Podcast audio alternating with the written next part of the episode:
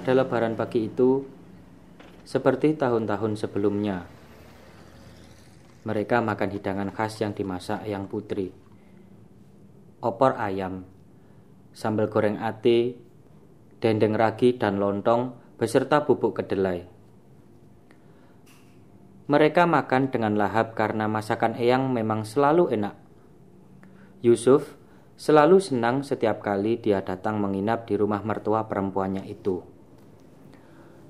Selain dia senang mendapat melepas rindunya kepada Eko, anak tunggalnya itu, dia juga senang merasa ikut dimanja dengan berbagai hidangan dan panganan oleh mertuanya. Seakan hidup bagi mertuanya itu hanyalah memanjakan cucu tunggal dan menantunya. Kenapa tidak? desah Yusuf. Sejak Siti, istrinya dan jauh sebelum mertua laki-lakinya meninggal, apalah kesibukan dan perhatian ibu tua selain tertumpu kepada cucu tunggal menantu yang menduda itu.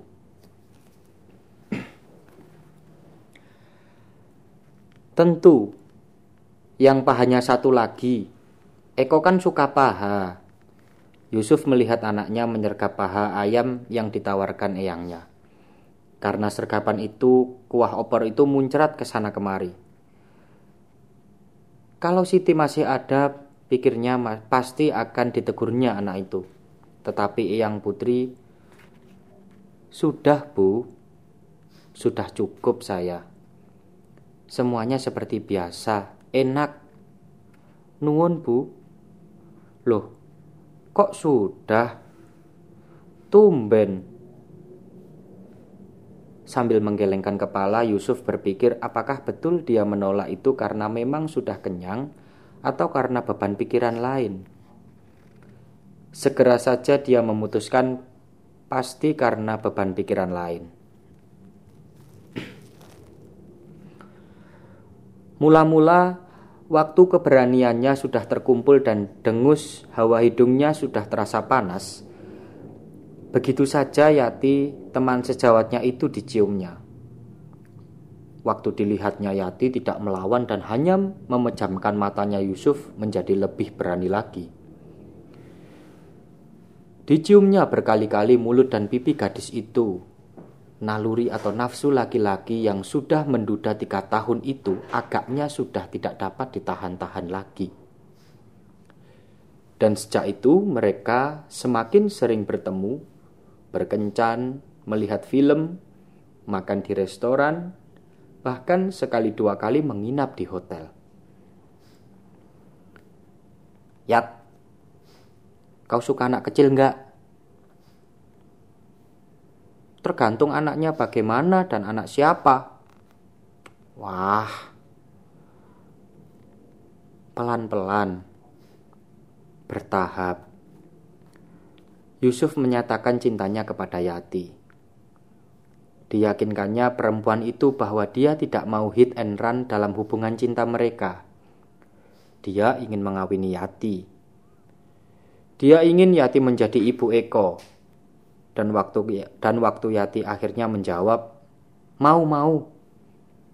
Yusuf memutuskan untuk mengakhiri masa dudanya dan menggendong kembali Eko ke rumahnya.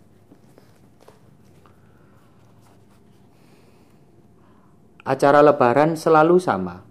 Sembayang id di lapangan kompleks perumahan, sungkem bermaaf-maafan dengan Eyang Putri, makan pagi, ziarah ke makam ayah mertuanya dan, mak dan makam Siti.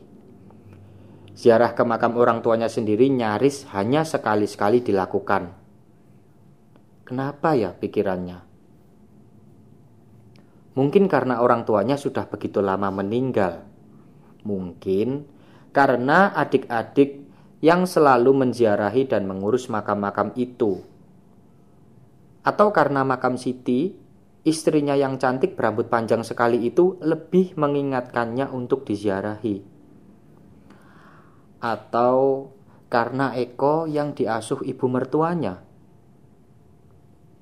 Melepas rindu kepada anak tunggal yang hanya sempat dikunjungi setahun sekali, lewat perjalanan kereta api yang melelahkan dan untel-untelan. Bukankah juga sangat-sangat penting? Wah, setiap tahun kok semakin banyak saja kere-kere berderet di kuburan, gumam ibu mertuanya. Di dalam hati Yusuf mengiyakan pernyataan itu. Kok di kota sekecil itu kiri-kiri bertambah pikirnya. Mau dientaskan bagaimana itu gumamnya. Kok kiri-kiri yang dimakam semuanya cacat yang Yusuf tersenyum bangga. Pikirnya, anaknya untuk usianya sangat tajam pengamatannya. Kalau tidak cacat, tentu mereka bisa bekerja tidak mengemis kok. Di makam Siti mereka mencabuti rumput yang di sana sini tumbuh. Lantas mereka menabur bunga, kemudian Eko mengambil alih upacara. Karena Eko sudah bisa Al-Fatihah, Eko akan berdoa keras. Yang putri dan bapak mengikuti. Boleh-boleh kok. Iya le. Dan dengan lancar, Eko mungkin setengah pamer mengucapkan Al-Fatihah diikuti Eyang Putri dan ayahnya. Sehabis itu, Eko merangkul Eyang Putrinya dan Eyang Putrinya pun menciumi pipi cucunya. Sekali lagi, Yusuf merasa bangga dan sadar juga bahwa anaknya memang sudah lebih besar daripada setahun yang lalu. Kemudian tanpa disangka Eko sambil menekuri makam ibunya berkata kepada makam ibunya. Ibu di surga. Ini Eko bu. Eko sudah gede. Eko sekarang bisa jaga yang putri di sini. Bapak jaga Eyang Putri dan Eko dari Jakarta. Oh iya, Bapak bawa oleh-oleh mainan Nintendo. Bagus sekali, Bu. Seketika Yusuf bangkit dari jongkoknya. Rasanya tulang-tulangnya lebih ngilu. Dipandangnya anak yang masih jongkok dan masih terus juga dielus-elus kepalanya oleh neneknya yang nampak terisak-isak menangis. dalam perjalanan pulang ke Jakarta, di kereta api yang penuh sesak orang-orang yang baru pulang dari mudik, Yusuf mendesah. Udara pengap, gerah, keringat di tubuhnya terasa lengket, bau apak dan penguk lagi. Mungkin tahun depan, pada lebaran lagi, dia akan lebih punya nyali, punya keberanian yang lebih mantap lagi untuk mengemukakan itu semua kepada ibu mertuanya kepada Eko bahwa dia akan mengawini Yati, bahwa dia akan menggendong Eko ke Jakarta. Ya, tahun depan, pasti tekadnya. Waktu dia menatap jendela kereta, dia berharap dapat menatap senyum Yati sekilas-kilas yang dia harap juga akan merangsang birahinya. Tetapi tidak.